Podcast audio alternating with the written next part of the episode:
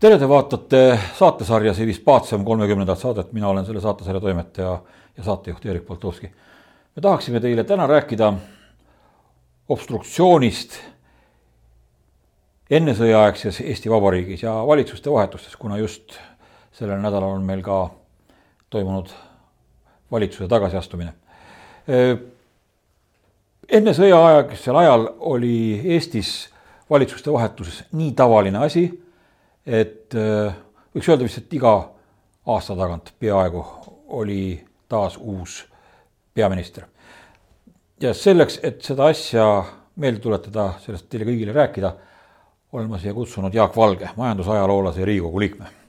Äh, räägime siis sellest, et kui palju neid valitsusi enne äh, esimese iseseisvuse ajal jah, oli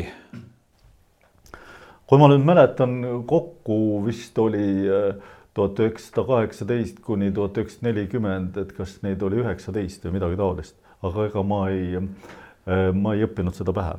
kahekümne kahe iseseisvuse aasta jooksul, jah? siis äh, ja arvestada, et siis pärast riigipööret oli nende valitsuste vaheldumine oli hoopis, hoopis harvem aga nüüd jah, sellel demokraatia ajal siis aastast tuhat üheksasada kaheksateist kuni tuhat üheksasada kolmkümmend neli eh, ma arvan, et see valitsuste eluiga, kui ma ei eksi, oli siis tõesti kus kas üheksa kuud või midagi taolist.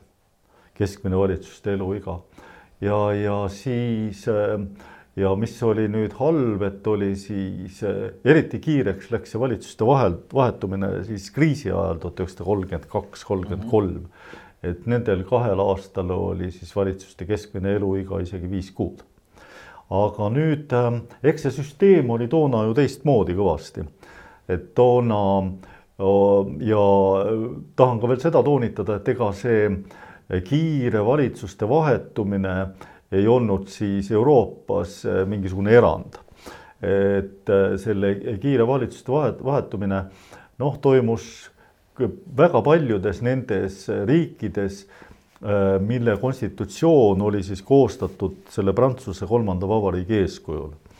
Äh, ja noh, kus Eesti, Eesti põhiseaduses võib siis ka sealt mingeid äh, selliseid mõjusid näha. nüüd põhimõtteliselt oli Eesti põhiseadus siis selline sulam parlamentarismist ja siis Šveitsi süsteemist hoopis ja see ja tema siis äh, eripära, Eesti selle süsteemi eripära kuni siis riigipöördeni oli siis see, et äh, meil ei olnud presidenti, meil ei olnud riigipead. tegelikult meil ei olnud ka siis peaministrit või ütleme nii, et peaministriks, peaministri kohal oli siis riigivanem. ja et see noh, oleneb, et kuidas see süsteem nüüd oleks kokku pandud. kui ta nüüd oleks niimoodi kokku pandud, et presidendile riigipeana oleks siis jäetud ka suurem võim, et siis oleks võinud see president äh, seda poliitilist süsteemi stabiliseerida niimoodi, et äh, valitsused nii kiiresti ei oleks vahetunud. aga, aga kui see president oleks niimoodi Äh, nominaalne või väikse võimuga olnud, et ega siis see ei oleks ka midagi aidanud, sellepärast et oli noh, rida Euroopa riike, kus oli siis presidendi ametikoht olemas, aga ometi valitsuste vahetumine toimus sama kiiresti. eks see oli siis Eestis nüüd probleem küll. see oli siis, ähm, et seda siis kodanikud nägid äh, sellise noh, nii-öelda demokraatia grimassina või kuidagi nii ja, ja see oli nüüd üks põhjus, miks, miks siis eh, tuhande üheksasaja kolmekümne kolmandal aastal kiideti siis suure häälteenamusega heaks see eh, rahvaalgatuse korras ehita-, eh, esitatud põhiseadus, mis siis andis presidendile või riigipeale, riigivanema siis, riigivanem oli tema siis ametinimetus, aga siis nagu nii-öelda presidendi sellise ametikohal, mida me tavaliselt oleme näinud presidendina. ta andis siis sellele riigivanemale sellise suure võimu, et see pendel läks nagu teisele poole, teise otsa. et see süsteem oli teistmoodi. süsteem oli ja kui ma nüüd parlamendist räägin, et siis äh, äh, et noh, et kõigepealt äh, peaks siis toonitama seda, et, et toona oli siis Eesti iseseisev riik, eks ole et ütleme nii, et kui me nüüd, keegi Jaan Tõnisson näiteks oleks täna nüüd nagu siin või Otto Strandman või või ka Konstantin Päts, siis ta tõenäoliselt ütles, et, et see riik, mis meil praegu on, et see ei ole iseseisev et selles mõttes, et äh, toona ta oli siis iseseisev, et tõepoolest, et need otsused, mis tehti, need otsused ei olnud niimoodi raamistatud, nii nagu on meil tänases Eestis. tänases Eestis äh, raamistavad meil neid tohutud erinevad rahvusvahelised kokkulepped siis ja Euroopa Liit ja, ja rääkimata siis veel, et, et meil on hoopis suurem mõjuvõim on läinud siis kohtutele, nii Eesti kohtutele kui ka siis väljaspoolt Eestit kohtupretsedentide alusel otsuste tegemisele. nii et jah, et toona oli siis äh, parlament, see tähendas ka, et oli palju-palju sisulisem, kui ta praegu on. parlamendis käisid ikkagi tulised diskussioonid ja see tähendas siis seda, et, et need otsused, mis parlamendis tehti, et need võisid olla siis sellised, mis äh, Äh, mis siis riigi äh, poliitika suhteliselt tuntsu ajavad, aga siis võisid olla ka väga head otsused, ehk siis tähendab, et sellel parlamendi, parlamendil oli väga oluline vastutus, erinevalt praegusest parlamendist, eks ju. et noh, et toona nagu selliseks haukumiseks või tühjaks äh, tühjadeks sõnavõttudeks, nii nagu on tänases parlamendis, noh, lihtsalt ei olnud aega või ei olnud nagu põhjust ka, sellepärast et oli vaja otsustada.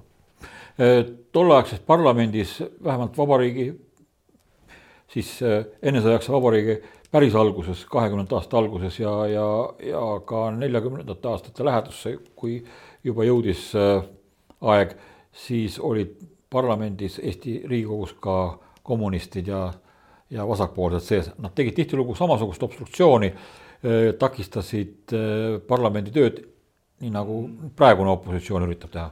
Jah, et eks siin võib nagu seda analoogiat ju leida, aga ma kõigepealt tahaksin toonitada, et nüüd selle sõdadevahelise äh, ajajärgu äh, see tuleks ikkagi jaotada siis kaheks, eks, kuni tuhande üheksasaja kolmekümne neljanda aastani ja kolmekümne neljandast aastast siis edasi, et teine on siis autoritaaraeg ja, ja see parlament on hoopis ja see parlament siis autoritaarajal oli esialgu vaikiv ajastu, kus parlamenti üleüldse ei olnud. ja siis aastast tuhat üheksasada kolmkümmend kaheksa tuli siis uue konstitutsiooni autoritaarrežiimi poolt läbi surutud konstitutsiooni alusel kokku selline poolvõltsparlament, noh, selline, et selline parlament, et millel erilisi otsustusjõudu ei olnud, et valitsus tegi siis need otsused sisuliselt ära. aga jah, et ähm, et nüüd sellest kolmekümne kaheksanda kuni neljakümnenda aasta parlamendis, seal oli küll mõni vasakpoolne, aga nad ei olnud siis äh, ennast äh, otse kommunistiks nimetanud. aga siis kuni siis aastast tuhat üheksasada kakskümmend kuni tuhat üheksasada kolmkümmend neli oli jah, parlamendis erinevates koosseisudes oli siis viis kuni kümme kommunisti ka. ja et eks nad tegid seal siis mürtsu, et eks nemad siis äh, käsitlesid seda noh, nad ju põhimõtteliselt parlamentarismi ja demokraatiat nagu äh, äh eitasid, eks ole, et nendel ju äh, nende ideaal oli siis äh, proletariaadi diktatuur ja on ju selge, et eh, noh, mingisuguste demokraatlike otsustega sinna proletariaadi diktatuurini ei jõua, et selleks oli siis vaja teisi meetodeid. ja et, et noh, et nii, niimoodi ei ole ju, et, et inimesed eh, või et poliitikud kandideerivad parlamenti ja siis ja siis seal saab, ütleme, et viiskümmend kaks häält tuleb selle peale, et nüüd edasi on meil proletariaadi diktatuur, et selleks kommunistidel lootust ei olnud, eks ole et see tähendab, et nende vahenditega polnud nendel mõtet võidelda ja eks nad siis võitlesid teiste vahenditega. ja üks nendest vahenditest oli ka siis, äh, oli ka siis parlamendi obstruktsioon.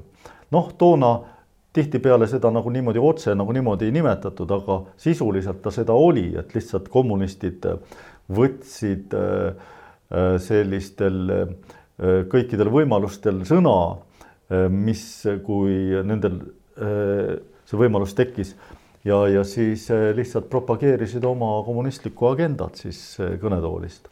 aga parlamendi tööd nad halvata ei suutnud? no ei suutnud, aga kohati nüüd nad surusid küll erinevaid diskussioone peale ja millega siis ka komisjonis noh, venitati, millega siis nad komisjoni tööd venitasid ja eriti oli see siis teises Riigikogus, aga totaalselt halvata nad ei suutnud.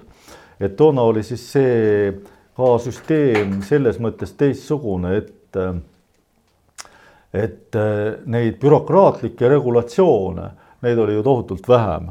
No kõigepealt ja et kui mõelda nagu selle riigi peale üleüldse, et mis toonane Eesti Vabariik ja tänane Eesti Vabariik, et siis toonases Eesti Vabariigis oli, ütleme Äh, ametnikke oli vast ligikaudu seitse korda vähem, kui ta praegu on, eks ole. mis siis tähendab, et kõikvõimalikke õigusakte, regulatsioone, kõike seda oli juba tohutult vähem, eks ole. et äh, ütleme, et see poliitiline elu käi-, pidi käima palju rohkem selliste improvisatsioonide peal. Et selles mõttes, et, äh, et, et asjad, mis et kõikide asjade reguleerimiseks ei olnud seadusi, vaid tuli nagu terve mõistusega läheneda. süvariiki oli ka vähem siis? süvariiki oli vähem küll. et kui sa nüüd pead siis silmas seda. ametnike võimu. Eh, no ütleme, et seda ametnike võimu, ametnike jah, ametnike riiki võiks nimetada siis püsiriigiks, eks ju, et süvariik peaks siis olema definitsiooni järgi see et eh, eriteenistuste ehm, tegevus siis eh, eh, poliitika mõjutamisel, eks ole. sealhulgas kohtud ja, ja. no see on, see on püsiriik, see on püsiriik, et see on ju, see on ju, sa ju tead neid koht, kohtunikke ja kõike, eks ole, aga süvariigi tegema, tegevust sa ei tea, eks ju.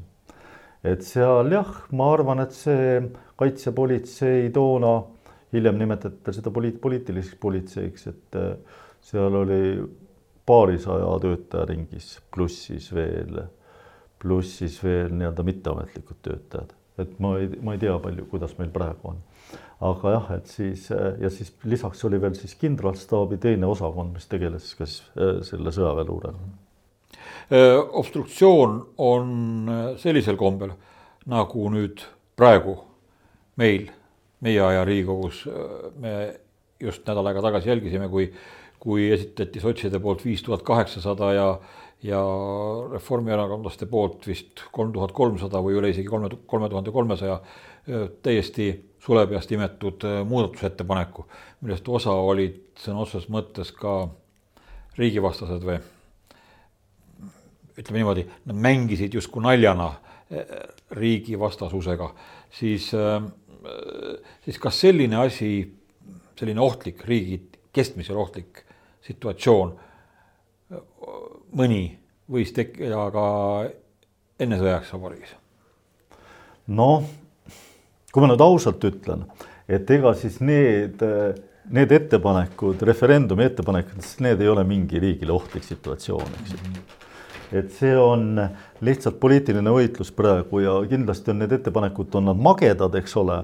ja nad on noh, näitavad nagu nende tegijate sellist no kuidas öelda, viisakust või ebaviisakust, eks. ma pidasin silmas seda, et, et nendega püüti blokeerida igasugune parlamendi töö. ja, jah, seda küll jah, et eks neid obstruktsioonimeetodeid on palju, et kahe maailmasõja vahelises Eestis oli põhiliseks obstruktsioonimeetodiks oli ikkagi pikkade kõnede pidamine toona oli siis ka see kõneaeg ei olnud äh, üleüldse, äh, üleüldse äh, parlamendis siis piiratud. ja küll aga seda kõnelema pidi siis etteantud teemadel, et kui ta kõneleja kaldus sellest teemast kõrvale, et siis juhataja tegi märkuse ja kutsus korrale. ja, ja see, et, et siis kohati jah, seda nagu siis kasutati ja räägiti küll äh, päris palju, aga siis, äh, aga sealt äh, suhteliselt ruttu tuli siis ka tavaliselt nagu see kord majja ka. et üks nagu minu arust nagu päris ilus obstruktsioon, mis toimus siis tuhande üheksasaja kolmekümne kolmandal aastal, üks parlamendiliige August Leps rääkis ja see küsimus oli selles, et, et seada referendumile siis tingimused ja ja nüüd Riigikogu enamus tahtis seada referendumile sellised tingimused, mis olid äh, halvemad noh, selle referendumi küsimuse heaks, heakskiitmise osas halvemad, kui olid eelmises referendumis. ja nüüd August Leps, siis see üks üksikvõitleja, et siis ähm, noh, ütles, et see ei ole, et see ei ole ilus parlamendi poolt, et need kõik võimalused peavad olema samasugused. ja siis ta jah, et ta siis hakkas lugema seal ette Liivimaa kroonikat esialgu, siis Taani hindamisraamatut, noh, hakkas nagu ladina keeles luges esialgu ja, ja siis, siis ja siis, kui äh, koosoleku juhataja ütles, et noh, et ikkagi peab eesti keeles rääkima, siis rääkis eesti keeles ja siis noh, võttis nagu niimoodi, et siin on noh, et siin on paragrahv, eks ju, ja selle paragrahvi järele tuleb punkt, eks ole, noh siis koosoleku juhataja ütles, et, et kuidas siis see Taani hindamisraamat nüüd meie teemaga kokku läheb, noh, siis ta just äh, Leps ütles, et aga kuidas siis ei lähe, et see ju me kõik me asume ju sama, samamoodi siin Taani linnas, nagu on ka Taani hindamisraamat. noh, et on, et see on, et Taani linn on meie linna nimi olnud, noh, midagi, mingeid taolisi asju tehti küll, aga ma arvan, et too Lepski siis ta, ega ta sellest Liivimaa kroonikast noh, üle paarikümne lehekülje ei jõudnud ette lugeda, et see et siis võttis Riigikogu juhatus ennast kokku ja noh, nad siis tegid koosoleku ja siis ikkagi võtsid siis selle sõna ära. kas, kui pikad olid tol ajal äh, kõnepidamise ajad, praegu on vist teil lõpmatu, lõpmatu. et kes pulti sai, see võis rääkida terve päeva, jah? Äh, võis rääkida esimesel lugemisel, esimesel lugemisel. Äh, hiljem olid siis piiratud tunni ajaga või nii ja, ja aga ega nad ei rääkinud, noh, et, et ütleme, et selle, see parlamendi eetika oli toona, oli kõvasti parem. et näiteks, et kui praegu, praegu prooviks tegutseda selle ähm, äh, selle parlamendi kodukorra järgi, mis siin oli, siis oli, et siis ma arvan, et see parlament ei saaks üleüldse tegutseda. sellepärast, et noh, kõik kuritarvitaksid seda toona seda lihtsalt ei kuritarvitatud nii palju. inimesed olid viisakamad. inimesed olid viisakamad, parlamendi eetika oli parem, sul on õigus, välja arvatud kommunistidel hmm. räägime ka valitsuste äh, tagasiastumisest veel korra. Äh, päeval, kui me seda salvestust teeme, astus Jüri Ratase valitsus tagasi. Äh, me rääkisime sellest, et esimese, mhm, esimese Eesti ajal või ennesõjaks Eesti ajal olid valitsused kusagil keskelt kümme kuud või üksteist kuud äh, ainult keskmiselt võimul. kas äh, olukorras, kus meie poliitiline kultuur on nii palju alla käinud, meie vanaisade, vanavanaisade äh, aegsest poliitkultuurist, kas meil võib kunagi selline aeg tagasi tulla või no ma ei oska nüüd seostada seda poliitkultuuri nagu valitsuste püsimise või tagasiastumisega mm,. ma ei tea, noh, vastan jah, et, et ütleme nii, et kui tänases Eestis need valitsused nii vähe püsiksid, siis see oleks kindla peale nagu selline traagiline olukord sellepärast et noh, et, et meil läheb nende valitsuse tegemise hoo võtmisega nii tohutult aega, et see on kõik nagu selline äh, noh, kuidas öelda, raskepärane masinavärk, eks ole. meil siin kogu ametnikkond, kõik mingid ülevõtmised ja nii edasi, nii edasi, et toona, toona see kõik toimis libedamalt, eks ju. ja, ja see, ja see, kui nüüd äh, poleks tulnud peale seda kolmekümnendat aastate majanduskriisi, et siis tõenäoliselt oleks nat-, seda poliitilist süsteemi nagu remonditud ka niimoodi, et need valitsused oleksid saanud nagu pikemalt kesta ka ilma presidendita, ilma presidendi ametikohata. et jah, et ma arvan, et praegu ähm, äh, esiteks sellist olukorda ei teki, et noh, et, et noh, nii ebastabiilsed oleks nagu toona ja siis, kui tõepoolest, kui tekiks, et siis oleks see väga halb. tuhande üheksasaja kolmekümne kolmanda aasta äh, vapside referendumid ja meie praegune abielureferendum, noh neid omavahel muidugi teemat võrrelda ei saa, aga olukorda vist saab võrrelda või, on nii? noh, ütleme, et kõiki asju saab omavahel võrrelda, eks. kolmkümmend neli oli pärast seda Pätsi riigipööre, Pätsi Laidoni riigipööre, tundub, et praegugi no justkui äh, üks pool on, äh, teeks seda hea meelega, kui ta vaid saaks. no ei tea jah, et see, et see tänane riigipööre, kui ta oleks, et siis ta on teistmoodi, ta on siis selline ju läbi vihakõne seaduse, palun väga mm, -hmm. või siis, või siis teatavate võib-olla ka teatavate erakondade keelustamise või midagi nii, eks ole. et toona ta oli nagu, kuidas öelda, nagu ausam või otsekohesem, eks ju mm. -hmm. mis see kolmekümne kolmanda aasta referendum, äh, mina ikkagi nimetaksin seda äh, rahvaalgatuse korras esile kutsutud, eks ole, et sinna seal selle esilekutsumiseks andsid kümned tuhanded inimesed allkirja, eks ole. et noh, et vapse küll nii palju ei olnud et see, et ähm, toona ähm,, toona siis see rahvaalgatuse korras esile kutsutud referendum sai siis suure ülekaalu. ma arvan, et see abielureferendum, mis oli Eestis plaanis nüüd ja mis tõenäoliselt ära jääb et see, seal oleks ka üks pool saanud ülekaalu või ütleme niimoodi, et ei, ei ole kindel, et see üks pool ülekaalu oleks saanud, aga igatahes oleks see ülekaal olnud suhteliselt väike. ja noh, toona oli jah, nagu öeldud, see rahva poolt esile kutsutud, nüüd oleks see olnud siis parlamendi poolt esile kutsutud. sa ütlesid praegusel hetkel ühe väga olulise lause, sa ütlesid, et tõenäoliselt jääb abielureferendum ära